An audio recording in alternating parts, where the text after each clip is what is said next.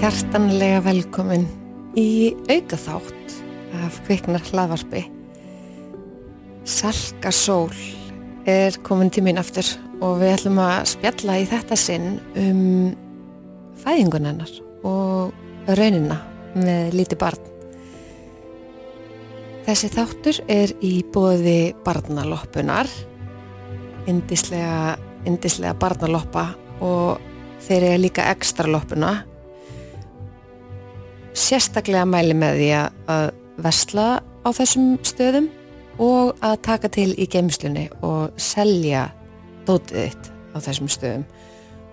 Og bara mjög einfalt, bara barnaloppan.is og ekstraloppan.is og frábært að endurvinna og endur nýta þetta er bara regla fyrir heiminn í dag að gera sem mest af þessu en ég þakka bara barnaloppunni og ekstraloppunni fyrir þeirra framlagt til kviknar hlaðvarps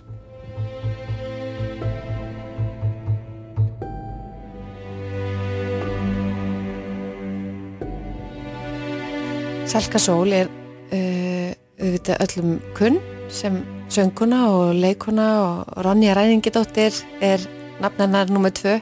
Svo er hún líka með prjónalínu og prjónar og er búin að hanna sjálf. Og ég hvet ykkur að sjálfsögðu til þess að fylgja með henni á Instagrami Salka Eifeld og ég er bara mjög spennt að leiða ykkur að heyra sögunannar Salku Sólar.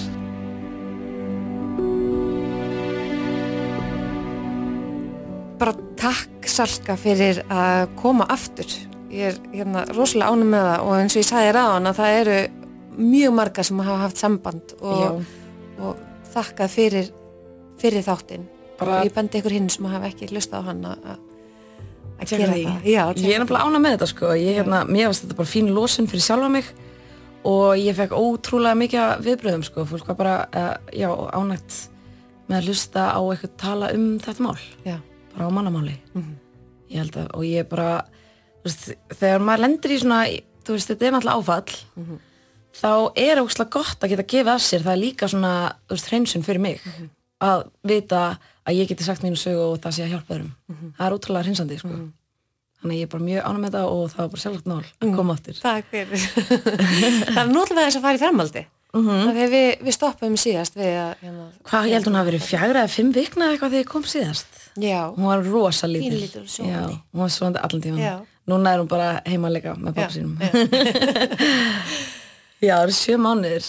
Hún er hann sjö mánuða. Já, þetta er fljótt að líða en samt finnst mér tíminn líða ótrúlega undarlega, undarlega.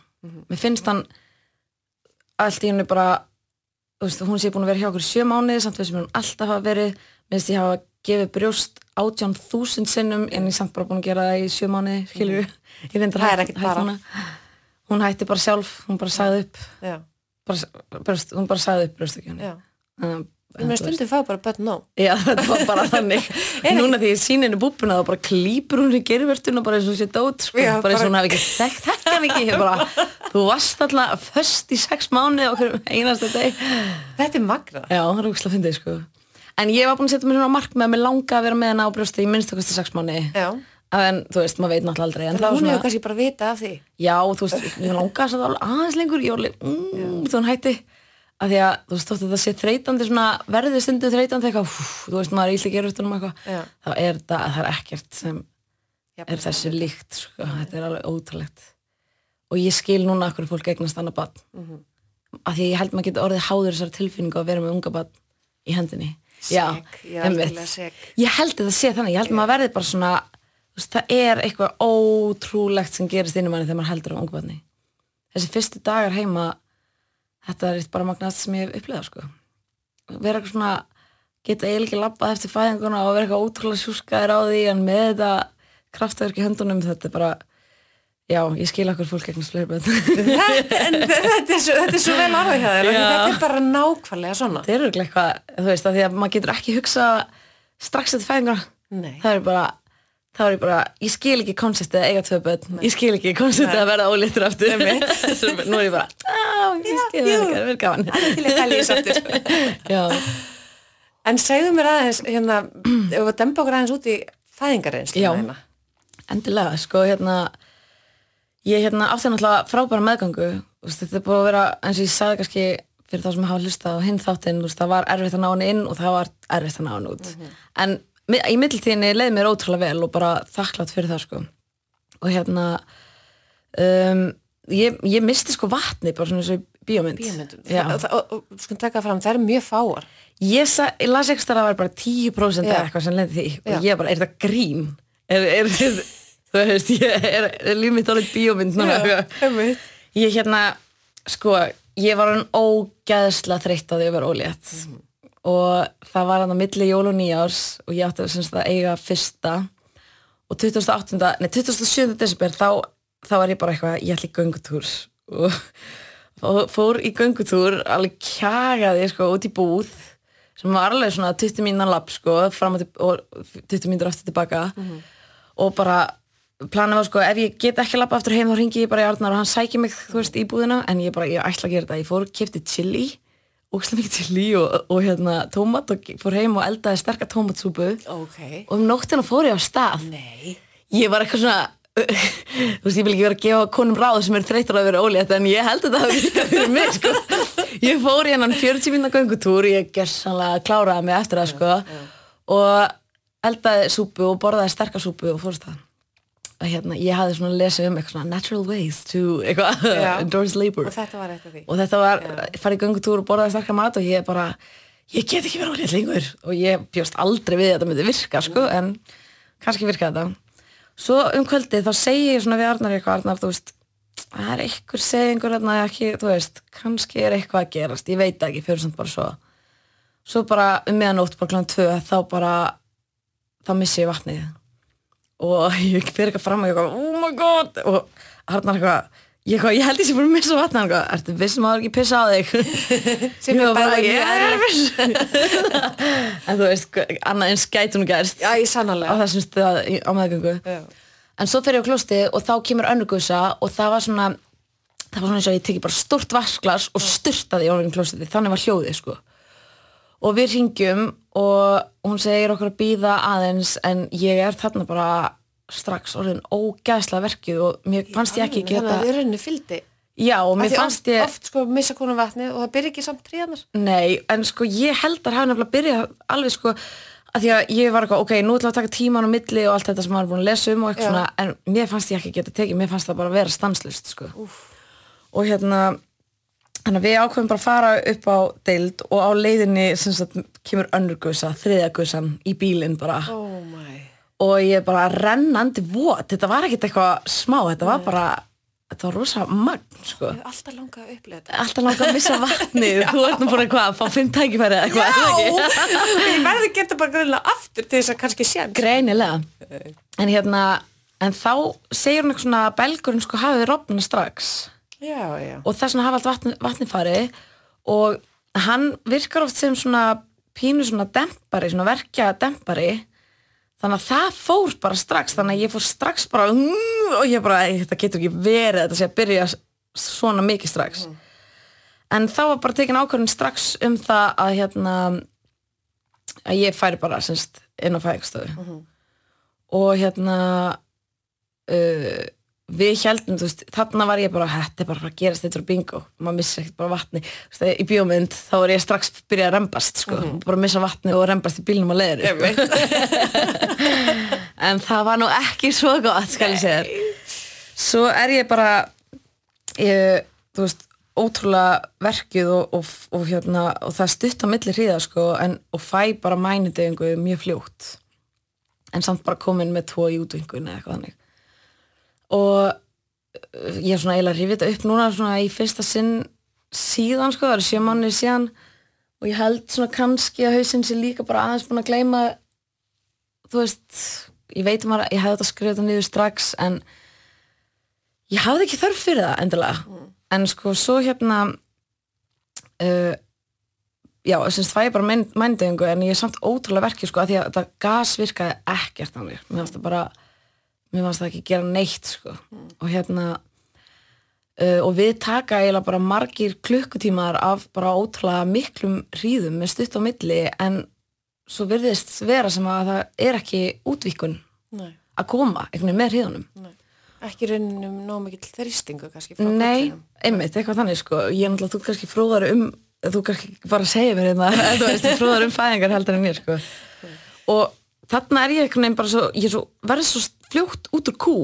Ég verður svo fljótt einhvern veginn bara alveg ekki alveg til staðar sko. Mér fannst þetta bara ógeðslega erfitt og tilfengi sem komið við mig bara eitthvað hvað er ég svona léleg í þessu?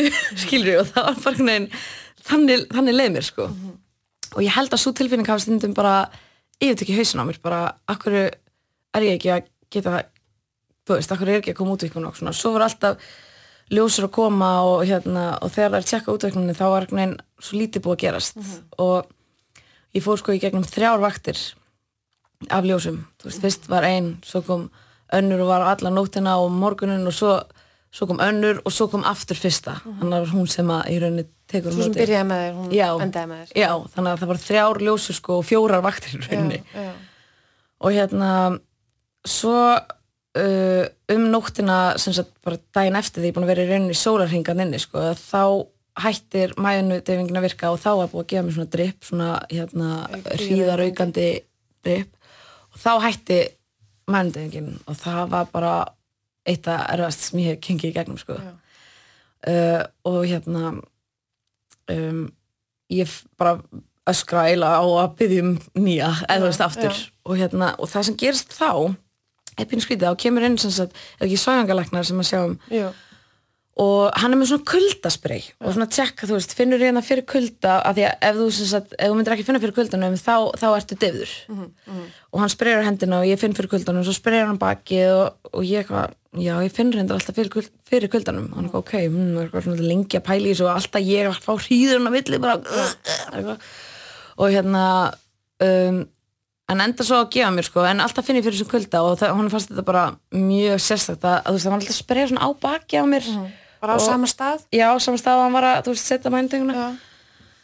uh, svo gerist það bara eftir þetta, ég næði að sopna þegar ég fæ þessa setni mænudöfingu en þegar ég vakna, þá vakna ég í sko svona skjáltakasti bara þetta var svo mikil skjálti að mér, ég var sko ég bara hló eiginlega því að ég, þú veist, þetta var svo grín. Mér leiði svona þess að ég var svona ofleika svona fíkil í frákvörfum í eitthvað svona lélir bíómynd. Ég bara, þú veist, ég bara, gat ekki hægt Nei. og þá veginn er allt svolítið í móði mann bara sé arnar, ég sé tvær ljósur ég sé lækni og hendunar á mér teknar út báða megin og það er teknar blóðpröfur og ég vissi veginn ekki almennilega hvað var í gangi af því ég bara skalf svo mikið. Og þá fyrst fannst mér hérna loftið, glaðloftið hjálpa mér af því að ég bara náði ekki að anda, veist, ég skalf svo mikið. Og eftir það fæ ég bara 40 steg að hita. Og ég bara alveg, þú veist, ég er eiginlega svona með óráði, svona hita óráði þú veist, það er svona það er svo mikið móða yfir þessu öllu, sko og þá man ég eftir að sem sagt, fæðinglæknar kemur inn og, og þú veist, svo er þetta veginn svo líka þú veist, ég með svona æðar sem að flýja þegar að, þú veist, ég á að taka blóðpröfu þannig að það var búið að stinga mig á fjórum stöðum báðum með hendunum og svo hérna á hliðinni og úliðinum og þarna á einhvern veginn náði þurfti að taka blóðpröfu sko og náði ég aldrei. Þannig ég var einhvern veginn útstungin sk- skjálta og svo fæ ég bara 40 stið að heita og sko hún unnalóa var allan tíman bara henni leið alveg vel skilur og en það sem gerist þegar að mamman fær hita ef ég fær 40 stið hita þá er 41 stið hita inn í henni og það er náttúrulega bara stóð hættulegt. Já. og þá man ég eftir að fæðingalæknarinn kemur inn um, og segir sko já þú ert með hérna ég glemdi eða að segja frá því sko einu tímbúndi fyrir, fyrir nei setni mændenguna þá hafði sko ljósa komið inn sagt ég var komið með fi- sex jútvikun fjórum klukktímum eftir það kemur önnur ljósa inn, tjekkar að mér og hún segir ég sé fimm, fimm í útvikun þannig að ég var búin að skreppa saman. Ef það er hægt ég bara, er ég búin að skreppa saman? Hvernig getur að Það verið. Nei, og ég, ég held svona að líka minn hafi og, og svona þrótturinn bara svona pínu bara svona þú veist, gefist upp, þannig er ég búin að vera kluk, kannski í svona 19 klukktíma í virkri fæðingu. Þú veist, frá því að vatni ég misti vatni og hérna, en svo þegar eftir þetta skjáltakast og hitakast og eitthvað svona þá kemur inn og segir ég sé að koma með átta í útvikun og lætu mig sko rembast tvisvar Já. og ég vissi ekkert hvernig ég ætti að gera það og ég sko, ég með langar að heyra þetta hljóð nei, ekki Nei. neitt sko Nei. og hérna, vissi ekkert almennilega hvernig gera það og það kemur upp úr mér bara skrýtnasta hljóð sem hefur komið upp úr mér á æfinni, ég stundum reyndi að leika þetta þetta var bara þetta var bara eitthvað bullsljóð sko. og ég fyrir svo að rámar í og hún sé eitthvað, já ok.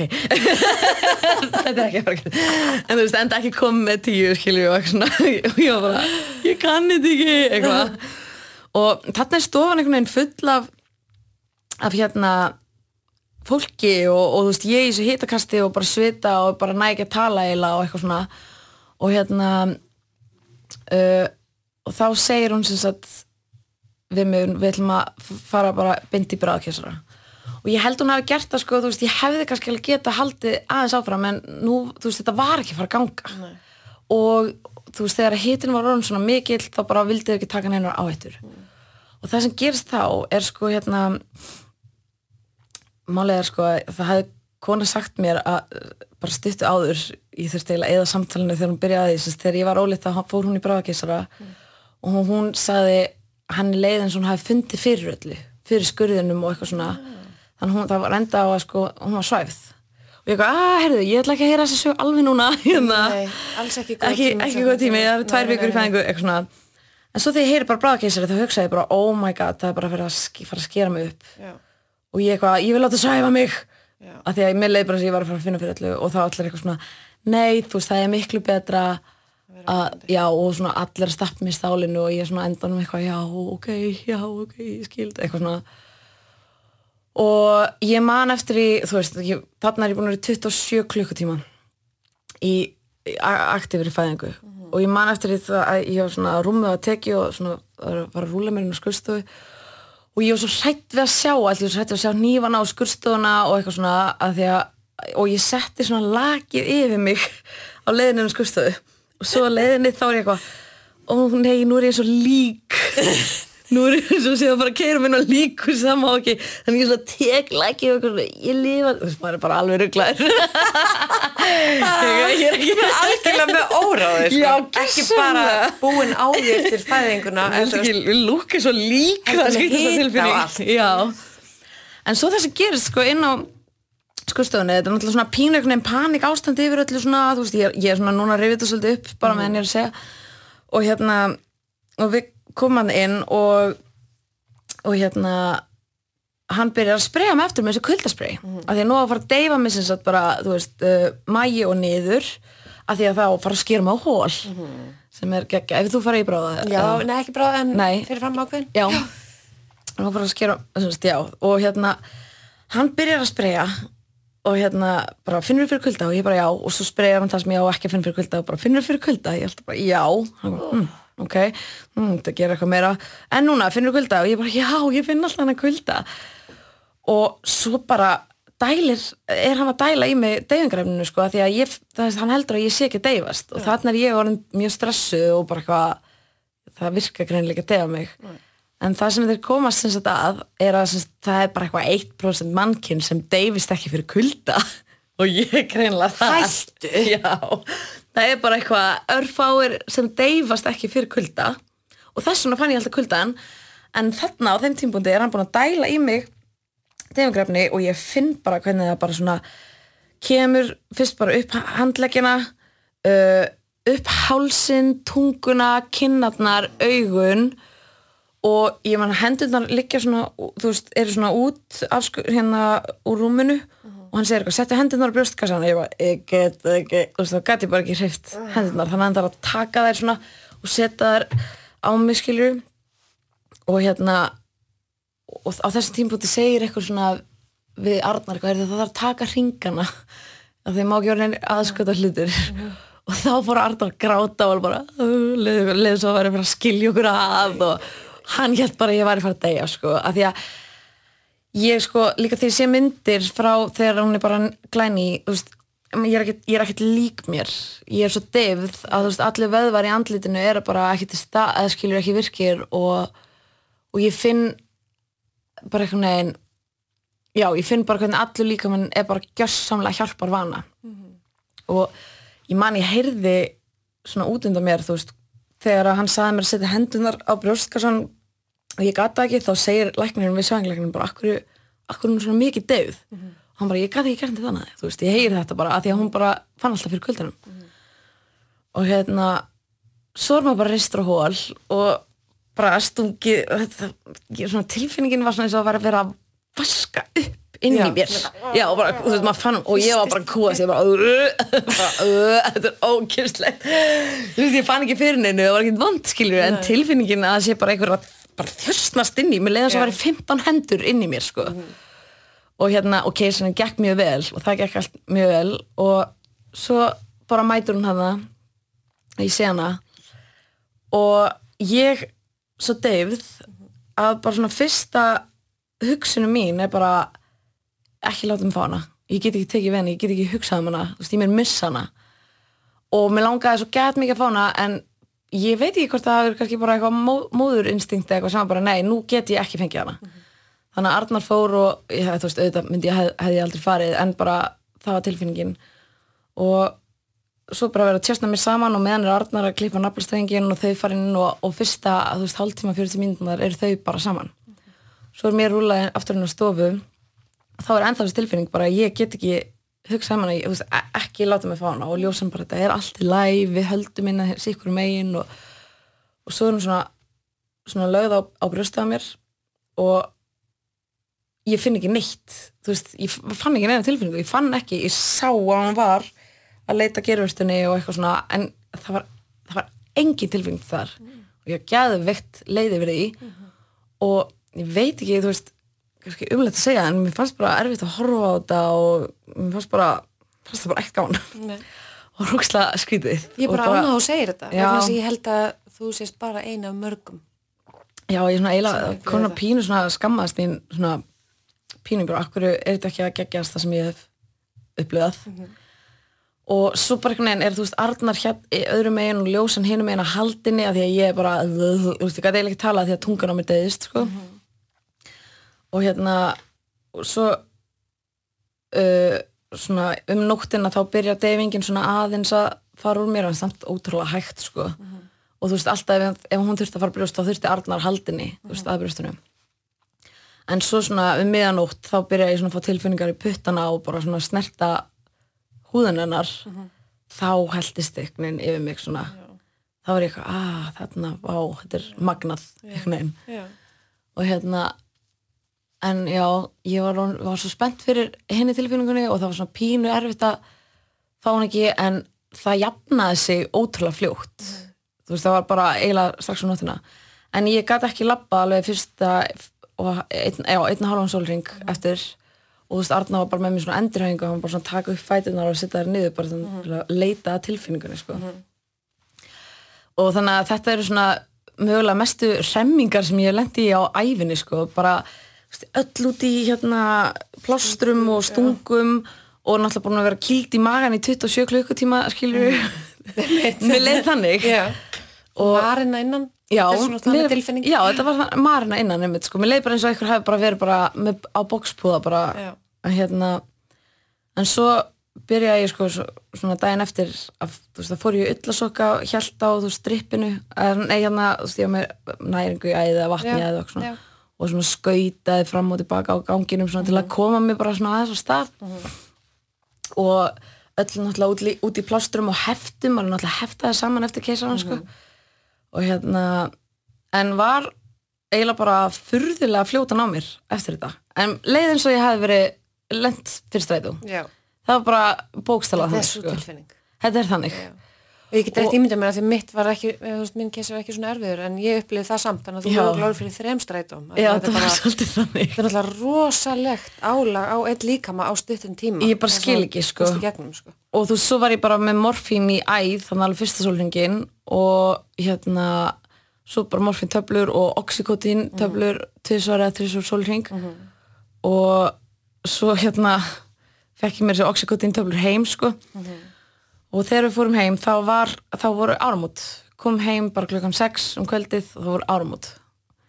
Já og hérna og ég átti alltaf að taka oxykotin kl. 12 þannig að ég kom heim og bara poppa inn á oxykotinu á áramótinu Áramót og djám er gott. Algjörð áramót já, hlæðilegt að segja frá Uh, og við skáluðum í, í kampaðin sem ég svona, þú veist, tók eitt sopa eða eitthvað.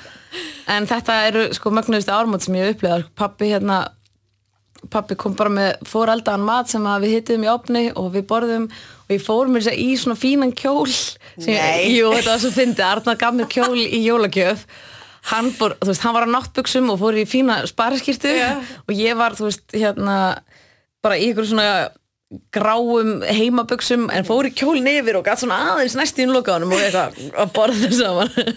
Og hérna skemmtilega þetta var ógislega fyndi sko. Og svo bara klukkan 12 þá bara já þú veist þá voru við bara orðin fjölskylda þetta var bara þú veist það voru Allt í nú voruð þið bara komin heim þrjú og já þetta var fárnlegustu árumót sem ég upplega sko.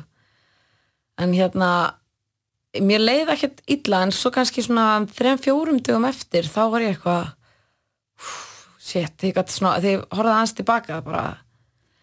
En ég vissi alltaf að fæðing væri bara eitthvað sem að væri erfitt og eitthvað þannig en það var held ég þetta deyfingar dæmi sko sem að fór pínu í mig sko af því að ég var svo hjálparvana eftir það. Veist, ég pældi bara á allir vöðvar líkamans allt í henni hætt að virka. Já. það er bara skrýtnast tilfinning sem ég fundi sko. og hérna já, bara það var kannski svona aðeins það sem ég þurfti að vinna úr. Mhm. en svo, svo var ljósan oft eða sem heima hjókunum konan sem var indislegur sem að var með okkur um það fyrstu vikuna hún, var svona já þú þarf, þú veist, þú getur örglega þú myndir örglega geta eignast barn hérna í gegnum hérna legungi næst og svona. Ég var einhvern veginn ekki eitthvað sári við því að hafa ekki geta fætt þannig sko. Nei. en samt var ég alveg svona, kom dagur alveg hef ég fætt barn? Skilur, ég veit ég hef gert það. En bara tilfinningin að fæða sem sagt um fæðingavegin Já. er eitthvað sem ég aldrei fyndið en að ég var svona smá eitthvað jú, ég veit ég er búin að fæða barn en hef ég svona fætt barn? En veistu það er svo frábært að þú segir þetta líka vegna þess að þetta, ég held þetta, þú veist, þó við vitum þetta sér ánguminn, að þá kemur hún samt upp. Já, og það er eðlilegt og það er svo gott að segja það upp átt Einmitt. þá erum við bara eitthvað svona já, ok, ég er ekki svo eina að hugsa svona og það er að leðilegt að þetta popp upp og svo bara, já og þú veist, ég var aldrei sorry yfir því. Var, mér fannst ég ekki að hafa verið svikin að því að hafa eignast barna eitthvað, ég var í rauninni bara á þessum tímapunkti bara svo, svona pínu fegin þegar ég heyrði að ég væri að fara í bráða. Þá væri þetta bara að fara að klárast. En ég var bara fyrst stressuð af því að ég mm, þú veist, það bara skrýðin tilfinning að vera vakandi og láta skera sig upp sko. bara tilöksunin, en eftir á er ég bara eitthvað, já já skilur, þegar maður er búin að gera en hérna en þú nefndir að, að þú veist, að hérna það er svolítið verið svona, kannski nefnt við að vinna úr, þú veist, erfi reynsla og eitthvað svona, Mhm. en þú værir í rauninni á þeim stað að hugsa þú veist, þetta er alltaf lægi, ég er ekkert of mikið að pæla í þessu? Já, ég, ég, sko, ég hugsa alveg svona, já, mér langar alveg að fara að skoða fæðingarskísluna, en ég er ekki það eitthvað svona obsessed yfir því að þurfa endilega að gera það, þú veist, ég er ekki búin að koma mér í það, skilju, það er Nei. ekki það alvarlegt eða svona inn í mér, skilju, og þú veist, mér finnst ég ekkit endilega að þurfa að vinna úr þessu, ég var alveg bara að tala um þetta mikið um manni minn og við rætti þetta og ég hef sagt þessu sögu oft, veist, þannig að í byrjun var ég ofta að segja frá því og, og ég veit, viss alveg að þetta myndi vera erfitt og það var erfitt og, og, og, og hérna en ég held að ég, þú veist hafi alveg tekist eða, þú veist, tekist að Já. þeim. Þannig að ég, ég hef ekki haft eitthvað svona, þetta var ekki trauma, traumatizing skilur við, það var drull erfitt Já. en þetta var ekki trauma. Nei, og ég samt get alveg ímynda mér að þetta sé tráma fyrir marga konur sko, en hérna að því að þetta er náttúrulega bara engu líkt. Þú veist, það er ekki þetta það það er ekkert að miða þetta við neitt er ekki hægt sko. þannig að en, en, ég en var það, þannig að í rauninni samt, þú veist, að því að ég tö- sumt fólk langar í hana bad, Mhm. aðra ekki en það, allavega þessi reynsla hefur ekki komið í veg fyrir að þið myndir mögulega langi í hana bad nei, þú veist, fyrst var ég náttúrulega bara eitthvað, uh, ég skil ekki konceptið eiga tvö börn, bara, mm, nei, nei, Nei. eitthvað neginn, en svo bara jafnast það og fljótt út, Já. en það var ég vissi ég svo sem alveg, það er svolítið bara náttúrulega, sko, Mhm, þetta að það myndi vera þannig, og þú veist, mamma er oft sagt við mig bara, þetta gleymist um leiðu var barn í hendunar og eitthvað svona. Fyrst var ég bara, nei, nei, þetta glemst ekki skilur en, en það gleymist það kannski ekki endilega. En maður veit allavega að maður kom lifandi út úr þessu skilur og maður ræði við þetta. Mm get, það, er þannig. En og það, það er svona það dopnar á þessum svona erfiðu toppum. Já, þeir svona veginn svona jafnast út í eitthvað svona já þetta eins og þú segir, já þetta var mjög erfitt. Já. En, hérna, en þetta var ekki svona eitthvað, já ég komast í gegnum þetta og, og þú veist, mér líður ekkert illa yfir þessari fæðingu. Fyrst var ég, já, bara mér, svona pínu, mér fannst ég bara eitthvað ekki nú góð í þessu, þú veist mér fannst ég bara, ég var alltaf með þessu tilfinning hvað ég var lélega í það að vera kona Já. sem er líka tilfinning sem að ég fekk þegar ég var, þú veist, díla við ófrjóðsumina og sem er, ég, og, þú veist, ég veit alveg að það er ekkert rökrétt en maður bara er ekkert alltaf að hugsa þannig rökrétt. eru tilfinningar. Já, þannig er tilfinningar, nákvæmlega, þú veist, maður er ekkert við það. Og þú veist, og stundum er maður búin að segja eitthvað upphátt og maður veit alveg að maður er vittlisingur, mm. skilur ég en- auðvitað, auðvitað ert ekki lélega að vera kona, eða eitthvað, hvað því það en þetta er samt tilfinning sem kemur, kemur upp. Já, þannig að þú veist, það er eðlilegt bara að segja hana þá uppátt og viðkenna hana. Algjörlega. Þetta er tilfinningin. Já, og þú veist, þó hún eigi ekki verið auka steyðast að því að maður er búin að heyra konur sem að eignum spötna sína korter og eitthvað, því að Já. líka mann bara eitthvað blúpp fyrir tíu í útvíkun og eitthvað svona. ég veit það. Þannig að já, þú veist, mér fannst bara ég er bara þakklátt fyrir að hafa þú veist, upplifa þetta í runni er já, komið út á hinum endanum? Já. Þrjú stundum var ég eitthvað, hefði ég átt að undirbúa mig meira? Þú veist, var ég eitthvað að vinga þetta of mikið? Mm. að ég tristi svo mikið á náttúruna? En ég veit ekki hvort það hefði endilega hjálpað fattur þú veist, ég, ég var svona ég var alltaf að passa mig að vera ekki svona obsessed á því að þú veist, ég var ekki svona ákveða neitt eitthvað, ég vil ekki mændi eitthvað, ég vil ekki þetta eða lalala skilur en svo var líka því að sko sýstan Sarnars eignaðist bara sjö vikum áður og fæðing gekk vel og hún þurfti ekki mændingu og, svona, og ég fekk eitthvað svona bara í miðri fæðingunni, núna er ég ekkert að pæla í en í miðri fæðingunni var ég eitthvað svona hverju gatt hún það svona vel, af hverju er ég að vera svona liðleg og hverju er ég bara ekki að höndla þessu verki? Uh, það var svona rétt á meðan að fæðingin var en ég veit alveg að það er ekki þannig skilur, alls ekki. Þannig að það er gott að tala um það sko. Og mér finnst mjög gaman að heyra fæðingasögur frá vingunum mínum og, og hérna- þegar þú, biður um að fá að heyra þér. Já, Já. já, þegar maður byrður um það er það alveg svona ágætis atri Já. já, já, má ég heyra fæðingasögunum þína? En Já. ekki hérna, ekki segja hana við aðra óumbeðin þetta er ógærslega leðilegt að lista það svona, svona alveg skref fyrir skref maður er eitthvað, mhm, mhm. Nei, ég er bara, nokkra vinkunum mín eru til dælulega nýbúin að eiga og mér er bara ótrúlega gaman að áhugast að, að heyra sko. Já. að því hún er bara, þetta er bara öðru í sig öllum það er nefnilega málið, að það er engin fæðing eins. Nei. og svo er hún heldur ekki eins. Ég, ég er búin að fæða fimm börn. Já, nokkra sitt þú veist, og engin af fæðingunum hefur verið Nei. eins, ekki, það ég held að sé bara fræðilega ekki hægt. Mamma sagði sko, þú veist, allar fæðingarnar hennar gengur vel en það voru allar langar. Já. og þú veist þannig að og það er oft svona kannski talað um að það sé svipa hjá hjá maður Dætrum, já, og ég held að það myndi vera þannig, þetta var leng fæðing sko. svo er maður bara svo skrítin í fæðingunni eins og þú veist ég fekk ekkert sem mann bara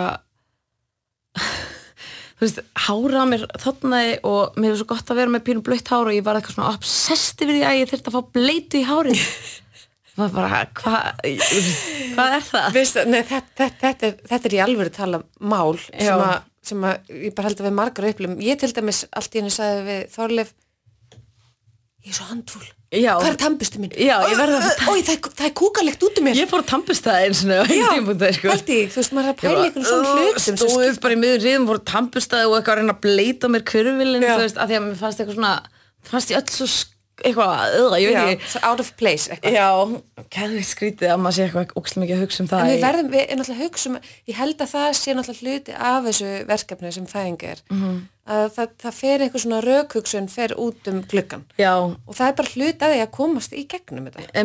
Þú að getur í raunum verið ekki að hugsa svona skýrt og rökrætt. En þarna sko, eftir að vera að vera að rúla mér inn á, inn á veist, eftir hitakastið og þarna skjáltakast, ég bara þetta var, var fáránlegt sem ég upplega þetta skjáltakast, sko, þetta er náttúrulega svona hitaskjálti sem, sem kemur rétt fyrir áður maður fær hita, háan hita.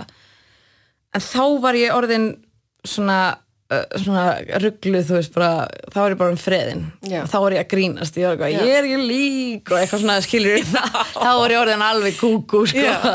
Farin. Já, þá var ég farin. Og hérna, og bara fólkinu var allir, þá átti sko, þá var verið að fara framkvæma aðra skurð aðgerð, þannig að það var sko bara tíu mann sinn á skurðstofuna eitthvað, sem var alveg svolítið bara svona comforting sko Já. að bara voru allir maður í hverju einsta verki bara þessar rétt að hnífin og þessar rétt að skærin sko. Já, öllu svona tilbúin. Já, og það var svona alveg góð tilfinning og það, það var ég langt að bara orðin alveg gúg og gaga sko í grínu Já. og þá var ég farin, þá var Arnar alltaf inn leitið til hliðar og búið að taka okkur giftingarringina og ringana og hann eitthvað búið að skilja okkur. Að og hann eitthvað grátandi og þá var ég eitthvað alltaf minn, þetta er allt í læg þá var ég komin tungan þanga sko. Já, tunga var alveg farin. Þannig að Það er svo gott að geta svona hleyja þessu eftir á. Já, mér finnst það bara auðvelt sko. Og eh, hérna Getur og- hann það líka? Já, já, já, já, algjörlega. Og við Og hlægjum hann að, hafi þú upplegað veist, svona- já, við gerum það, við hlægjum að þessu þegar hann held í alveg að vera að skilja okkur að, bara eins og okkur lækna væri eitthvað að stíja okkur sundur Já, út þakka giftingar. Já, taka giftingin en hérna um, og þess vegna hef ég kannski ekkert haft eitthvað ótrúlega mikla þörf til að fara að lesa fæðingarskísluna og endilega rifja upp sko hvað þetta var erfitt Nei. þú veist, ég bara horfði tilbaka og þetta var ógæslega erfitt en hér, hér erum við í dag sko. Og þetta er bara þín saga. bara, og það er kannski mín leið ég skil alveg margir vilja eitthvað gera hana upp meira eða eitthvað svona þannig en ég mun örugglega að gera eitthvað tímann, lesa hana sko en þá mun ég örgulega vera, já, býtu gerst þetta á, gerst þetta Já, það kemur kannski ný sín á þetta. Já, og ef að örugglega. þessi sín sem þú ert að lifa með í dag er góð, Já, eða veist, að þá er það bara þín leið. Já. Þangað til að þú ákveður eitthvað annað. Ég held að Það sé fyrir sens máli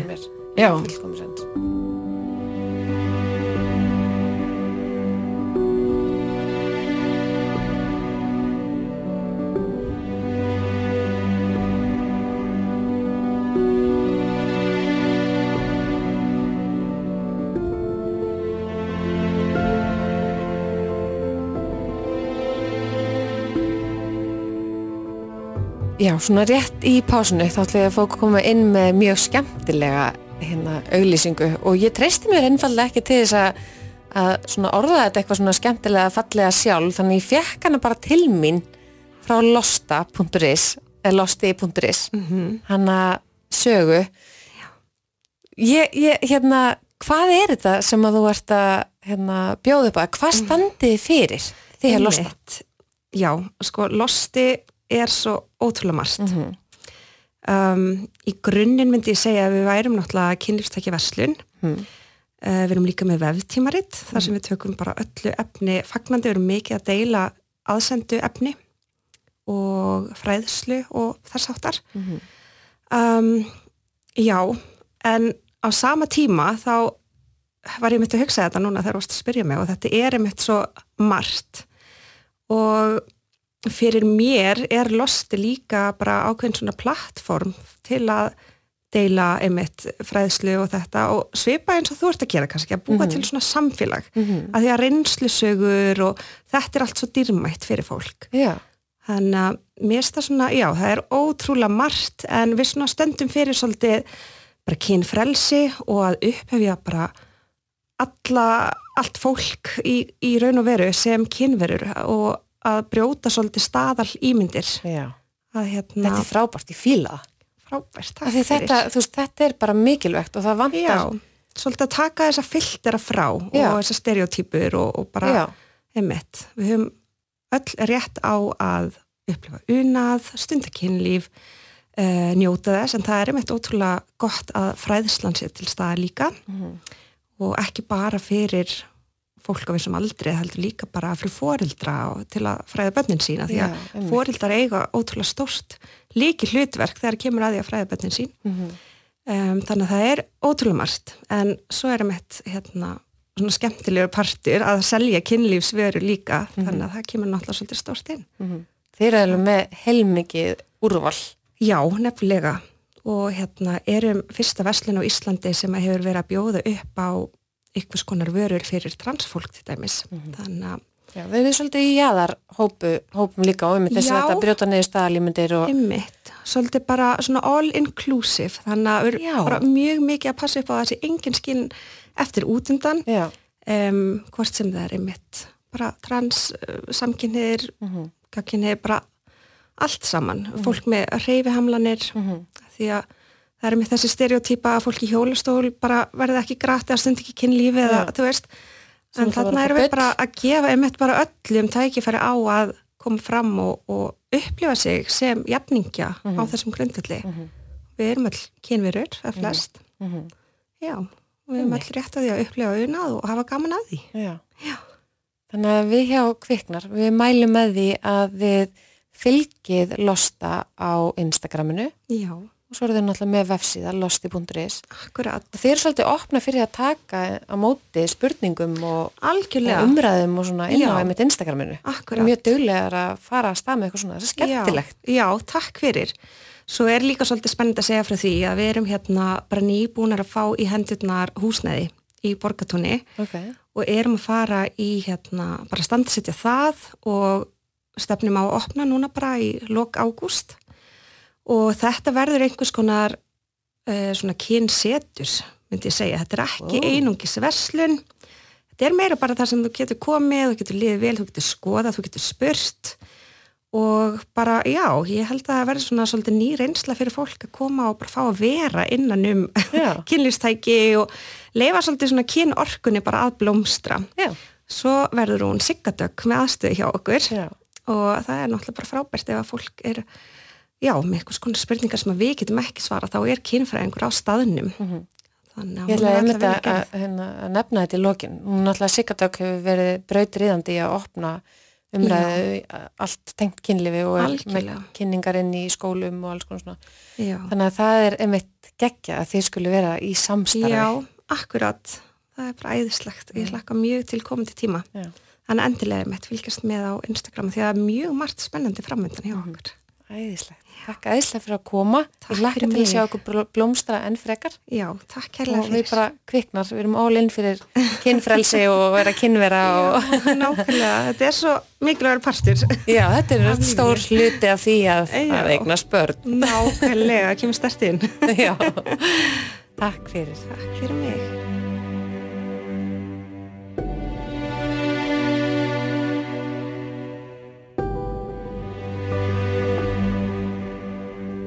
En svo er það alltaf koma með barn. Hvernig, hvernig er raunin með Raunin, já, hún er náttúrulega bara snild sko. Hún er hérna hún er svo góð og þægileg og skemmtileg og brósmild, það er eiginlega bara algjört grín sko. Við hérna, þú veist hún gerði allt svona sem hún að gera frá byrjun, tók duttu, tók pela svaf vel, tók brjóst bara svona, Ok, þannig allt að- svona hefur gengið upp þannig að kannski hefur það líka haft áhrif á það að maður skilur að ég sé ekki eitthvað að hanga upp á okkur erfiður fæðingu já, sko. já, og hérna hún bara sefur alla nóttina eða þú veist, þetta er bara svona, þetta er eiginlega bara Draumabarn. sko. já, þetta er eiginlega svona drömbat bara svona ótrúlega, næst ég vil ekki segja frá því sko. bara hún er svo góð og núna bara hún er ótrúlega snemma að byrja að brosa og hlæja og hún gerir eiginlega ekkert annað sko. En það er búið að ganga ótrúlega vel með hana. Það er búið að vera svolítið skrýtna tímar sko, það er búið, búið að vera COVID og hérna og allt það, þannig að Mikið, mikið með okkur sko. Og hérna við vorum alltaf í sótkví öll fjölskyldan í 14 daga þegar hún var þryggja mánuða og svona og hérna og svo náttúrulega misti maður minn vinna og miklu minna að gera hjá mér og, og hún líka sko. Þannig að við höfum bæði náð að vera ótrúlega mikið með hana. Þannig að það er kannski bara blessun í duðlegjara sko að fá að gera það og þú veist það var ótrúlega hendut veist, ég tók nóttina þegar hún var brjósti bara að gefa henni brjóst og svo tók hann hana fram á mótnana þannig að við vorum bæði einhvern veginn sofin og vel sofin og það gerir náttúrulega fóröldar hlutverki bærilega eða þú veist svona mun bærilega. já þú veist minni keppni og minni, rí- þú veist, já og allir einhvern veginn þokkalega vel so- sofni þú veist. Þannig að um, það er eiginlega bara búið að vera já, indislegt að gera þetta. Já. Og við vorum eitthvað að ræða eitthvað með svona svo mamvisku bit og eitthvað svona Já. þannig og ég hef einhvern veginn ekki alveg, þú veist, upplifað það Nei, ég er svona, fyrst var ég eitthvað svona er ég að örfa hana nóg Mhm. er ég að örfa nóg mikið er ég að, þú veist, eitthvað, hvað á ég að gera til að örfa hana, eitthvað svona Mhm, sá kannski Instagram eitthvað, býtu þessi með leikrind yfir skiptiborðinu er ég ekki að gera nóg, eitthvað svona þannig Mhm. Já. Mhm. en það var mjög fljótt að fara og þetta er sterkasta tilfinning sem ég hef fundið bara mamma veit best sko. Það er bara og ég bara er búin að vera að fylgja því ótrúlega mikið sko. ég fann, fann tímbli ég svona mm, á ég hérna, ætti ég ekki að byrja að gefa henni pela kannski á kvöldin mér fannst eins og hún ætta, og ég var, hafði engin rauk fyrir því akkur ég ætti að gera það svo fórum við með henni í þryggjamána og þá var hann ekki búin að þykjast alveg nóg mikið og hún sagði, þú veist, byrjaði bara að gefa henni pela á kvöldinu ég bara, þetta er bara tilfinning Já. sem ég fekk fyrir viku Já. og ég hefði bara þetta fylginni Já. og eftir þetta þá er ég bara búin að fylgja öllu að því þú veist að þetta klikkar svona, ekki. Nei, ég, ég held að gera það ekki þetta sko. innsæi sem við höfum sem fóreldrar já, ég held að bara sé 99% tilfella. Ég held það líka sko. þetta og maður á bara að trista já. ég held að það sé og standa til dæmis ef þú veist að er eitthvað þú veist, að hjá barninu mm og þú fær til læknir og segir sér ekkert að ef þú finnur tilfinningu og það er eitthvað að, það er eitthvað annað Já. þá skalt ekki hætta fyrir en þú þú færð. Fyrir hún fær úrlaust mála ykkar Einmitt. Við vorum líka sko, þú veist, svona pínur svona fyrst sko að því að hún þólir ekki að vera á maganum. Hún bara þólir það ekki. Og svo var hún bara ógislega lílig í því, skiljur. Og hún bara alltaf þegar hún setti magan. já. Og svo sá, sá eitthvað svona, já þú ert að vera með barnið tímyndur á maganum fyrir hvert mánuð eitthvað svona. Og við bara eitthvað, við erum ekki búin að gera það. Og ég veit hvað Arnar fekk bara eitthvað svona leið bara eins og hann væri bara failing as a parent bara strax skilur og bara fór bara í maga æfinga með hana og ég bara jú, sem var samt alveg gott og búið að gera mig gott sko. en maður náttúrulega bara er að læra og meðan maður er að gera og ég held að maður klúður ekkert barninu sínu nema maður sé bara eitthvað alveg ekki til staðar sko. Þannig að þú veist, maður bara mér finnst líka bara fallegt að þú veist, ég segi oft bara eitthvað, ég er eitthvað að klessa vagnina og kann ekki fara með það niður tröppur og eitthvað svona, ég er bara, ég er ennþá að læra já, það er svo mörgt sem við þurfum að læra. Já, ég hef bara mitt sko bara fyrst þegar eitthvað, já, ég ætla bara á kaffhús Bíddu, hvað gerir maður þegar maður fer með batn á kaffhús sem er bara í vagni, Já. tekur maður vagnin inn eða núti, en hvað, hvað gerir ég? Vissi, Vistu, þetta er svo, þetta er svo geggja og þú segir þetta. hvernig eigum við líka að vita ég veit það ekki sko. Ég, hérna, og ég er, við erum ennþá að, þú veist, bara alltaf að læra, Að læra sko. það, já, ég er eitthvað svona, að já, ég ætti kannski að taka auka samfellu með að því hún ælir mikið Mhm. að, og svo byrjar maður að gera það og þá er maður búin að læra það Mhm. en það, þú veist, maður má ekki held ég verði eitthvað ég, og ég hef ekki orðið það ég hef ekki orðið eitthvað svona klikkuð á að vera klikkað okkur Mhm. ég er bara já, því það er, sko, það er að setja þetta inn í Excel-skjál en Já. yfirleitt eru breytur sem að breyta um leið öllu. okkur manneskja inn í Excel-skjalið þá Já. bara gengur það ekki upp Nei, sko. það veist, er þannig að- málið sko. Já, þannig að ég er veginn búin að vera bara Já, þetta er bara búið að ganga vel er það með sambandið ykkar? Þú veist, hvernig hefur þetta áhrif að vera frá tvö yfir í þrjú?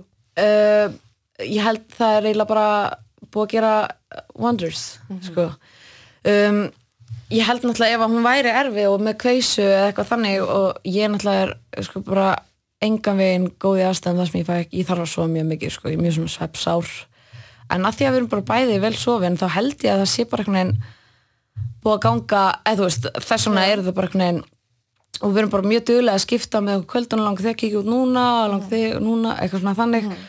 Og uh, Arnar er náttúrulega bara stórkostlegur í þessu hlutverki. Ég vissi alltaf að hann myndi vera það, en hann er eiginlega bara hann er eiginlega bara alveg já, eiginlega sko, hann er bara ótrúlega bara já, hann vill sko helst alltaf bara kúra með henni bara í spúni sko. Já. en ég veit að við erum að líka lefin að vera láta hann vera í ein rúmi og okkur þannig en Já, það er nú ákveð jafnvægi sem við erum ennþá með já, sko, okkar tveggjar uppi. Já, er, er það ekki alltaf að no shame, sko. ég er með stundum mér eitthvað má bara sofa? Að því okkur finnst það svo gott skilju, og hún segir bara Þetta vel er bara ykkar leið, er Já. réttar leiðin, sko. en þetta er bara búið að en, en stundum hugsa ég bara að því okkur langar í annar batn og, og hérna, við vitum náttúrulega ekkert hvernig það mun fara hvort við þurfum að fara aftur í tekni og eitthvað þannig. Mhm. en það er ógst gott svona að vita núna að kannski, þú veist, þegar við bara að gera það þá bara gerum við það og við vitum allavega að það gekk. Þið kunnið þá leið. já, kunnum þá leið núna, það verður tölvört auðveldra í þetta sinn heldur en fyrra en hérna, en stundum er ég eitthvað svona, vá ég var börn, ég er bara eiginlega skil ekki konceptið og fimm börn, ég eiginlega bara skil það ekki Nei. og ég, og, og að því þú varst eitthvað sem að tala um þetta mammisku bit sem ég skil alveg er þing og ég held að það kannski sé meira svona kannski þegar börn, börnin manns eldast og maður þarf að hugsa um tvö að maður sé kannski ekki hugsa nóg um annað Skipta ástinni á milli. innan Já, veginn og þannig, sko. og ymmit og bara, þú veist uh, hérna, já kannski er það, en svo held ég að það lærist. Og mér finnst bara ótrúlega hvað þetta kom náttúrulega til okkar að maður tjúnar bara inn í þetta hlutverk bara strax. Eins og einhvern veginn, bara eins og talar um án, eins og hún hafa alltaf einhvern veginn verið hana. Samt hún bara búin að vera í sjö mánuði. já, þessi tími sko líður svo ógæslega skringilega bara mér finnst hún einhvern veginn alltaf hafa verið til en samt bara í sjömanni og stundum er ég eitthvað segja vinkonum bara eitthvað, já, þú veist mannstum daginn, eitthvað, það er ekki um daginn það er þrjú ár síðan við gerum þetta, eitthvað þannig. Og meðan núna hefur maður alltaf eitthvað, veist, sjö mánuða, sex mánuða eða veist, það er alltaf eitthvað tímamót í gangi eitthvað þannig að, tíminn líður undarlega, sko, en ég bara, þetta er skemmlegasti tími sem ég hef lifað, sko Já. þannig að ég elska þetta, sko Mhm. en ég líka, finnst ég- altså, hún fór í fyrstu næturperson um daginn, hún var sex mánuða þegar hún. Það fór stór dagur. Já, en sko ég, mér fannst ég geta tjúnað mig frá Mhm. að því ég var pínur svona hrættum að ég myndi vera bara allan tíma bara oh my god, oh my god, eitthvað Mhm. þannig en líka því hún er góð og og pappi voru með hana heima hjá okkur og þá gekk bara vel Mhm. Og mér fannst tilfinningin að ég gæti tjúna mig frá, frá því að, og ég gæti skemmt mér, ég var í brúköpi og bara haft gaman og svo daginn eftir hlakka ég ógstlega til að hitta hana og knúsa hana Já. en ég var ekkert ekkert á nálum og ég var ekkert eitthvað eitthvað neginn þú veist, að ég fattur þau Það varst ekki með samvinskupið yfir því að hafa farið. Nei, ég var ekki með Nei. það og svo er ég bara, á, Á ég verið með það? Er ég vond móður? Eitthvað svona, þú veist Þetta var bara frábært og til fyrirmyndar. Já, Þú veist en ég held sko að Arnar hafi verið meira stressaður sko heldur en ég. Þannig og mér varst gott að og mamma sagði bara, þú veist eh, fyrst þetta gekk svona vel, bara verið duglega að gera þetta bara fyrir ykkur líka að þjálfa upp þetta að maður sé ekki, Líka með áður en að þessi tími kemur þar sem að hún átt að segja á því Já, að þessi að fara að þá sé hún bara renni vöndi að, að því að svo muna, kemur aftur vinna hjá þér og það verður á kvöldin og eitthvað Algjörlega. svona. Að hérna, að já að mér varst það góð tilfinninga því að ég hafði alveg heyrt konur tala og, og, og fóreldrar tala um bara eitthvað, ó, fyrsta nætupostinu en ég er á nálum. Mhm. og ég eitthvað, já, þannig á manni líða. En það er bara alls ekki þannig. Nei. og það, það er svo dásanlegt að geta verið frjáls já, undan þessu að Nei, ég var þetta. ógæslega spennt á leiðin heim og ég bara knúsa hana allan daginn eftir á skilju og þú saknaði hana auðvitað. Já, en ég gætt tjónum mig frá því. Já. Sem að líka bara var gott fyrir ykkur, vera tvö Já. eina kvöldstund og nætistund eða skilur einmitt svo, og svo vorum við samt eitthvað svona þú veist, núna langar mann bara að plana allt með henni Já. nú er bara eitthvað þú veist, jú, mér finnst það er gaman að fara tvö á hóteli eða eitthvað skilju Mhm. en það er samt miklu skemmtilega þegar hún er með og okkur finnst það bara Já. þannig að kannski þetta kemur tíma þar sem við verum bara hvað gæðið fegin að fá fóreldrafrí en það er allavega ekki byrjað sko þannig að Dásamlegt. já, þetta er Ég bara búið að vera indilist að heyra söguna þína, þú ert Já. svo innleg og indisleg fyrir það. og heiðarleg. Og mist fallegt hvað þú einhvern veginn kvílir vel í þessu hlutverki. Og Já. þú ert búin að hafa mikið fyrir bæði eins og þú segir að komin inn og komin út. Mhm. og hérna þú hafa góða meðgöngu og hérna og einuna svona innan gæslega bara þægilegt bann skilju það bara, þú veist, það, það er svo dásanlegt og það- þetta svo innlega skilið. En svo náttúrulega bara allar mömmur, þú veist, að, að líða svona og að elska svona og vera elskaðar og Mhm. en það er virkilega gaman að sjá þið blómstra í þessu Takk fyrir, mér finnst einmitt þú sagðir kvíla því mér finnst ég kvíla í því. Já, mér finnst það ekki stressandi, mér finnst það ekki uh, þú veist, erfitt á þann hátt að það sé, þú veist, erfitt getur líka verið gaman skilju, þannig að þannig að mér, mér finnst ég alveg setjast í það og mér finnst þetta, eiginlega bara svona náttúrulega það sem hefur komið fyrir mig sko. það er eiga barn. En bara því þú sagði að sagðir þetta Mhm. þá verði en erfitt getur líka verið gaman. Mm ég elska þetta, já, það er það sko. Þetta er mjög góð ábending hjá þér vegna þess að já, þú veist, að- að að- að kannski bara hafa þetta svona í bakkollinum þegar Mhm. við erum að gangi gegnum eins og við tölum oft um raunina veist, það er alls konar hlutir í daglega lífinu okkar sem getur verið erfiðir. Mm en að við kannski leiðum við aðeins að poppa upp þegar salkasól segja erfitt. Já. getur líka verið gaman. Erfitt getur líka verið gaman, er ekki yfirskriftin á þættinum? Ég held það. Ég finn að þú veist, það er laust stundum alveg erfitt að vakna á nóttunni og eitthvað og þú þurfa að hugga eitthvað en það er ekki, ekkert leðilegt við það Það og það er eiginlega bara að er indislegt sko. nei, Einmitt. þetta er reyndislegt mm takk að þíslega fyrir. Takk fyrir mig, ég elska að tala um þetta komdu bara aftur. Ég kem bara aftur. Já, ok, til í eftir símánu Já, ok. Æði. Er það ekki bara? Stindislega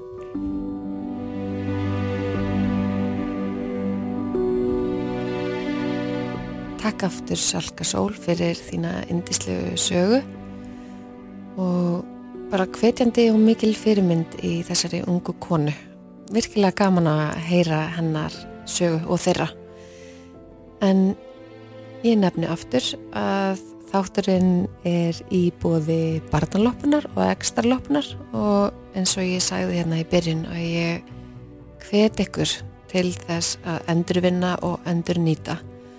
Og svo er svo frelsandi líka að, að taka saman dótið sem að þú átt en notar aldrei eða er tætt að nota eða átt aldrei eftir að nota og fá út úr því penning og það getur auðvöldlega gert með því að panta er bás á barnaloppan.is og ekstraloppan.is og barnaloppan er staðsett í skefinni og ekstraloppan í smárlend Takk til þeirra fyrir að stiðja kveiknar hlaðvarp og gaman að þessum auka þætti Takk fyrir að lusta